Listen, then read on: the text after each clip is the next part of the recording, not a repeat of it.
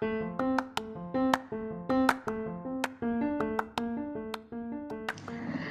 semuanya, kembali lagi dengan podcastku Q Talks. Nah, wah, udah seminggu ya sejak perilisan podcast pertamaku. Hehehe. Pada episode kedua ini, aku ingin membahas seputar proses pembelajaran online selama pandemi COVID-19. Stay tune juga ya guys, karena hari ini bakal ada tamu spesial loh. Um, aku gugup banget karena ini wawancara pertamaku yang aku lakukan secara individu Nah, pada episode kali ini kita dapat mengetahui aktivitas dosen selama pandemi serta kesulitan yang dialami saat mengajar online loh. Sebelum aku mulai, aku ingin memperkenalkan diriku lagi. Aku Valencia Julieta, mahasiswi ilmu komunikasi UPH 2018 konsentrasi jurnalistik. Dan welcome to Q Talks. Nah, teman-teman, di tengah situasi pandemi COVID-19, Kegiatan belajar mengajar harus terus berjalan di seluruh jenjang pendidikan dengan mengandalkan teknologi dan informasi untuk mengakses kemudahan belajar. Namun, nampaknya peristiwa pandemi COVID-19 ini cukup membuat para pelajar di Indonesia memiliki berbagai cerita. Nah, kuliah online bagi seluruh mahasiswa di Indonesia tentunya memiliki suka dan duka. Pada saat bersamaan pula, perkembangan teknologi dituntut untuk membuktikan perannya. Teknologi yang tersedia saat ini dituntut untuk menunjukkan kesiapannya menyediakan berbagai platform untuk memperlancar kegiatan pembelajaran online. Um, namun, apakah pembelajaran online yang dilakukan oleh para mahasiswa di seluruh Indonesia ini efektif untuk memahami materi perkuliahan yang ada? Atau hanya formalitas belaka untuk mendapatkan nilai. Nah, tetapi apakah semua mahasiswa beranggapan bahwa kuliah online cukup efektif bagi mereka? Um, hingga saat ini, menurut penelitian, pada kenyataannya tidak semua mahasiswa menganggap bahwa perkuliahan online mampu memberikan pemahaman yang sama seperti perkuliahan online offline di kelas.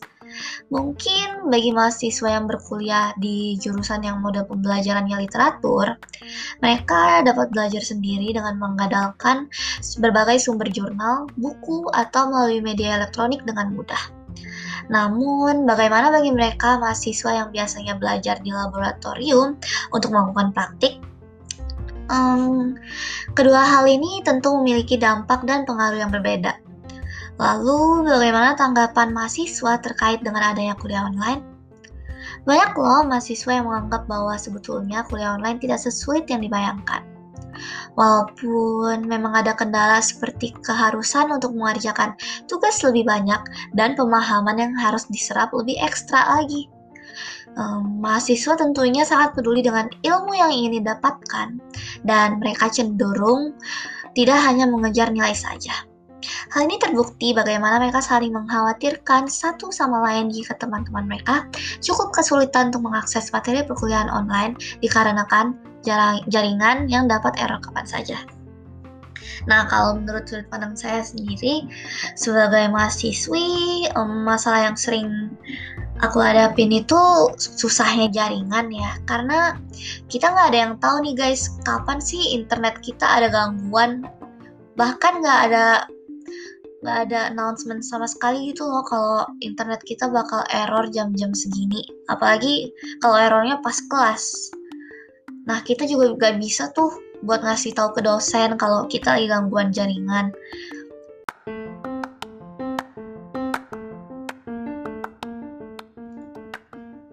Terus selain itu menurutku tugas yang diberikan oleh dosen banyak banget kalau dibandingkan sama pas perkuliahan tatap muka. Kayak setiap pertemuan pasti dikasih tugas nih sama dosen. Jadi kayak walaupun di rumah aja bebannya juga banyak gitu loh. Sedangkan dulu waktu masih tatap muka hmm, kayaknya nggak sebeban ini deh perkuliahannya. Nah, itu sih menurut aku sebagai mahasiswa. Nah, sekarang yuk kita dengarkan pendapat Mem dari seputar kondisi COVID-19 saat ini.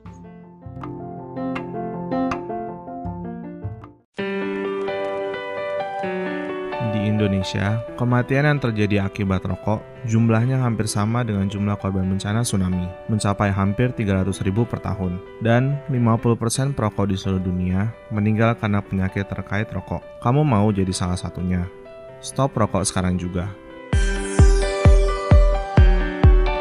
Iklan layanan masyarakat ini dipersembahkan oleh UPH Radio 107,9 FM, A Voice for Excellent People.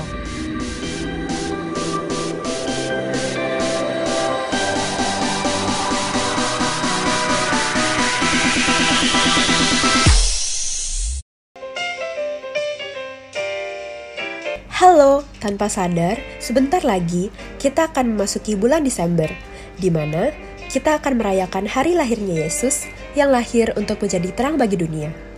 Dalam rangka menyambut hari Natal, Lentera Bagi Bangsa akan mengadakan garage sale. Dana yang didapatkan akan diberikan kepada anak-anak Indonesia yang membutuhkan biaya untuk pendidikan yang layak. Bagi Anda yang tergerak hati untuk memberi, anda juga dapat menyumbangkan barang-barang bekas yang masih layak dipakai seperti peralatan rumah tangga, buku, tas, pakaian, dan lain sebagainya. Pengumpulan sumbangan diadakan mulai tanggal 13 November sampai 26 November 2020.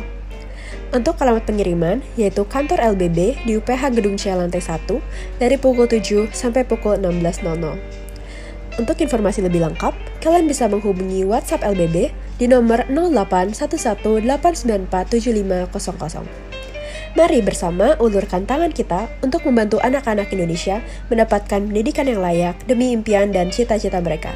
Have a good day. God bless you.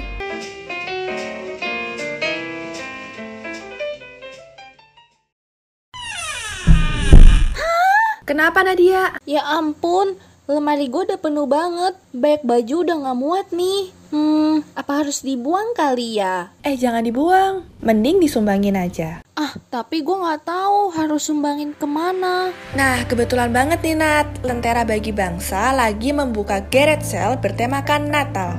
Mereka menerima barang baru dan bekas untuk menggalang dana bagi anak-anak sekolah Lentera Harapan agar dapat melanjutkan pendidikannya. Barang yang didonasikan mulai dari baju, tas, sepatu, mainan, sampai tanaman pun juga bisa loh. Dan tentunya masih banyak jenis barang lain yang diterima nih.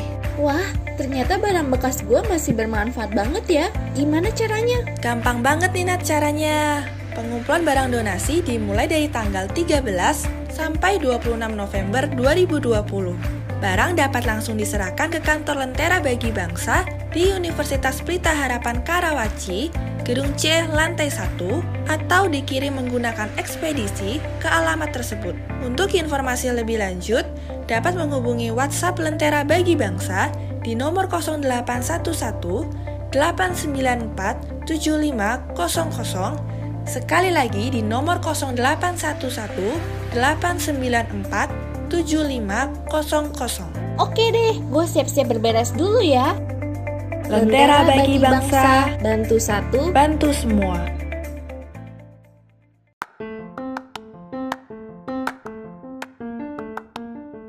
Oke, Mem, aku mulai ya, Mem. Silakan. Oke, jadi um, bagaimana kehidupan Mem selama pandemi ini? Bagaimana kehidupan saya selama pandemi? Oke, berarti kan dimulai mungkin akan lebih baik kalau dari awal ya. Kan awal pandemi itu kan e, masuk di Jakarta itu tanggal atau di Indonesia itu resmi tanggal 2 Maret ya. Itu masih masuk e, ke kampus. Masih mengajar juga. Sampai terakhir mengajar itu adalah tanggal uh, sebentar 18 itu saya sudah uh, kosong nggak mengajar. Kalian tanggal 16 sudah tidak ada kelas berarti saya nggak ada kelas tanggal 12 terakhir. Ada kelas 12 Maret.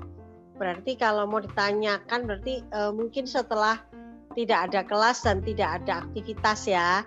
Jadi itu 12 Maret itu terakhir mengajar belum ada pengumuman apa yang akan uh, di uh, apa yang akan ditentukan kebijaksanaannya oleh kampus karena masih menunggu kebijaksanaan pemerintah.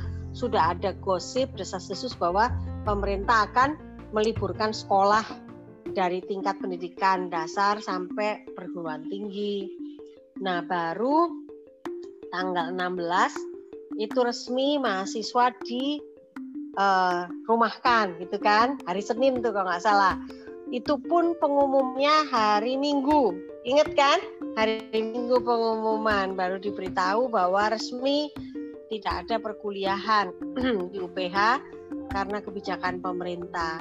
Jadi kami itu dua hari Senin Selasa kami masih bekerja tapi dalam situasi uh, pelatihan secara darurat untuk kelas online.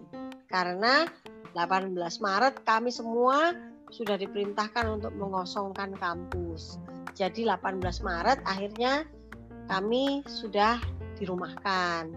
Nah, kehidupannya setelah itu uh, ya seputar di rumah. Gitu, seputar di rumah.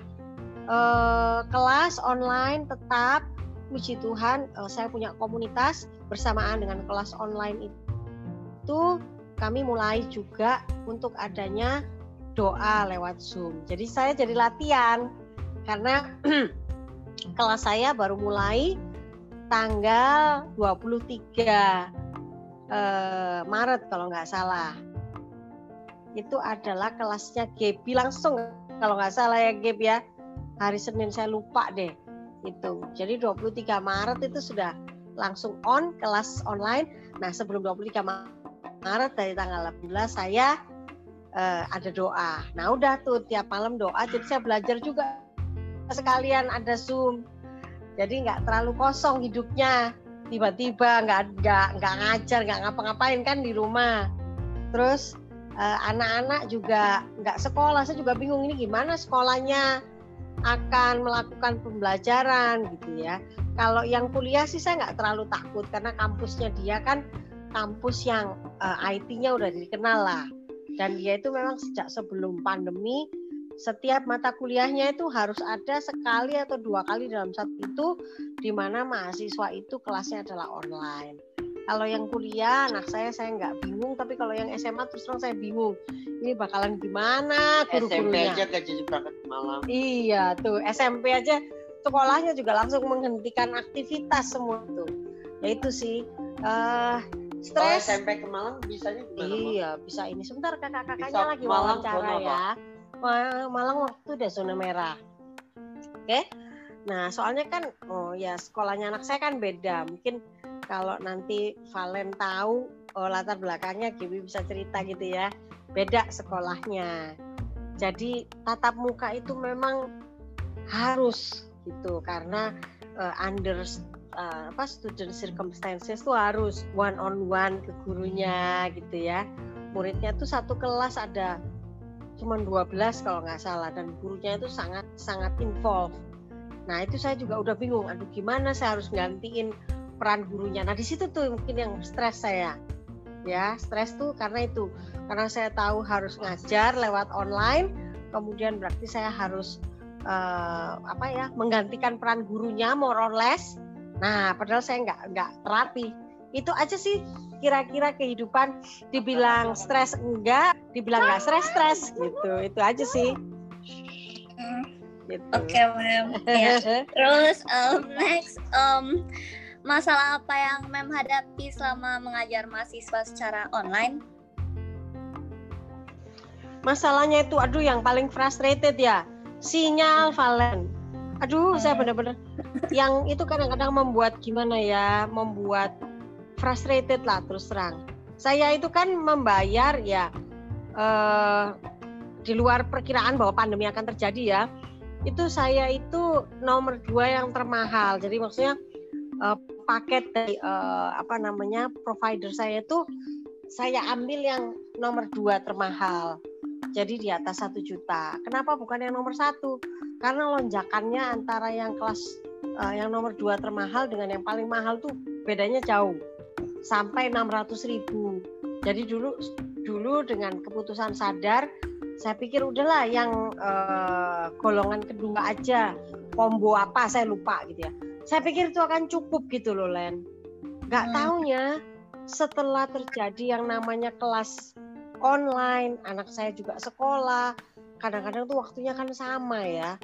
Itu aduh, sinyalnya itu aduh stres saya benar-benar. Itu yang membuat saya paling frustasi. Gitu. Bisa tiba-tiba, bisa uh, apa namanya uh, freezing gitu-gitu. Ya, uh, saya udah tanya katanya uh, uh, beberapa teman yang paham IT mau nggak mau dengan infrastruktur Indonesia yang seperti ini dan semua orang pakai ini tuh nggak bisa dihindarkan gitu Sedangkan hmm. di negara seperti Amerika saya tukar tukar pikiran sama teman saya yang di Amerika itu mereka anak-anak sekolahnya juga ada loh yang sampai nggelar uh, apa mat apa uh, tikar di halaman rumah.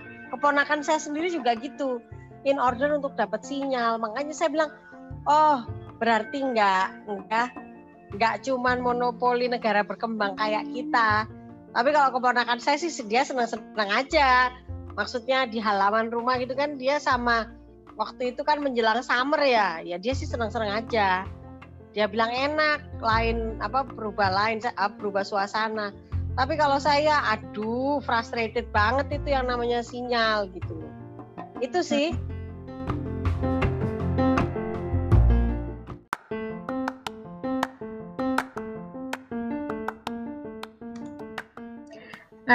Oke, um, makasih banyak Mem Dery atas waktunya.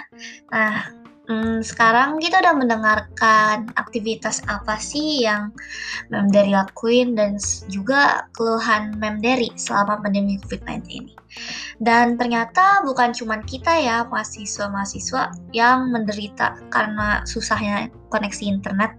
Ternyata dosen-dosen kita juga sengsara nih sama jaringan internet di Indonesia hmm, langkah baiknya jika pemerintah bisa improve jaringan di Indonesia atau mungkin mengumumkan kepada orang-orang dulu apabila bakal ada gangguan apa gimana ya supaya proses penyampaian komunikasinya dapat berjalan dengan lancar juga. Nah, sekian dari hmm, wawancara saya dengan Mem Dery. Hmm, Nah, jadi sobat-sobat sekalian, menurut kalian gimana nih?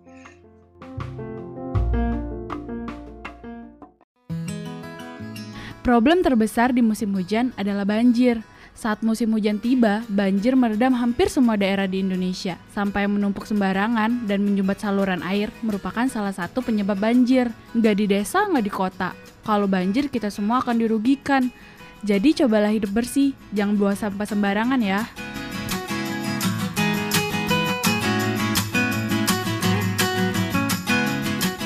Iklan layanan masyarakat ini dipersembahkan oleh UPH Radio 107,9 FM A Voice for Excellent People.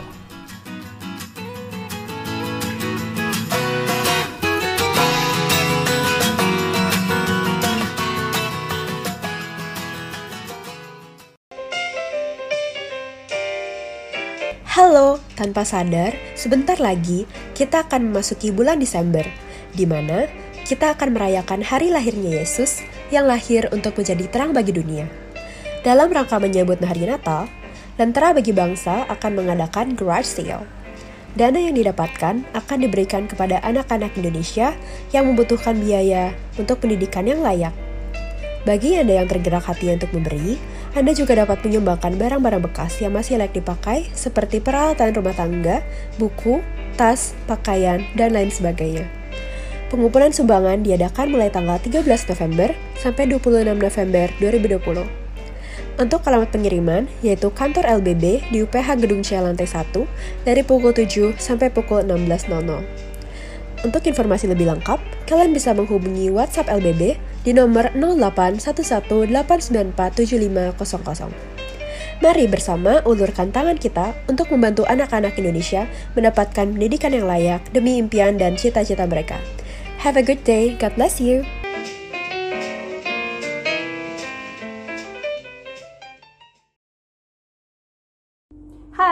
Aku Josephine Gerlanda, Ambassadors of UPH 2019, tiba-tiba teringat dengan kata-kata yang pernah disampaikan oleh Nelson Mandela, bahwa pendidikan adalah senjata yang paling ampuh untuk mengubah dunia. Maka dari itu, aku mau mengajak kita semua untuk berdonasi melalui link lenterabagibangsa.org dan dari situ teman-teman bisa mendapatkan banyak informasi dan cara-cara untuk berdonasi. Untuk itu, ingat, bantu satu, bantu semua. Yuk bareng-bareng kita selamatkan pendidikan Indonesia dengan berdonasi melalui Lentera Bagi Bangsa.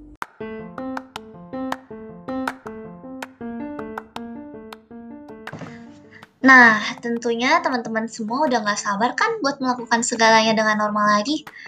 Sama nih, aku juga gak sabar buat ketemu teman-teman dan kangen banget sama ke sama lingkungan kampus.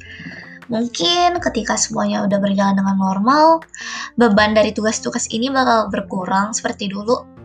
Hmm, jadi pengen cepet-cepet kuliah tetap muka deh.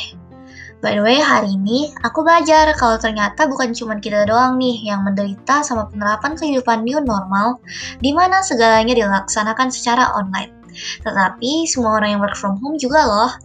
Gangguan internet yang tidak bisa diprediksi kapan akan terjadi ternyata cukup membebani ya. Nah teman-teman, aku mau pamit dulu nih. Episode 2 Q Talk sampai sini aja ya guys. Makasih semua, sampai jumpa di episode Q Talk selanjutnya. Have a nice day!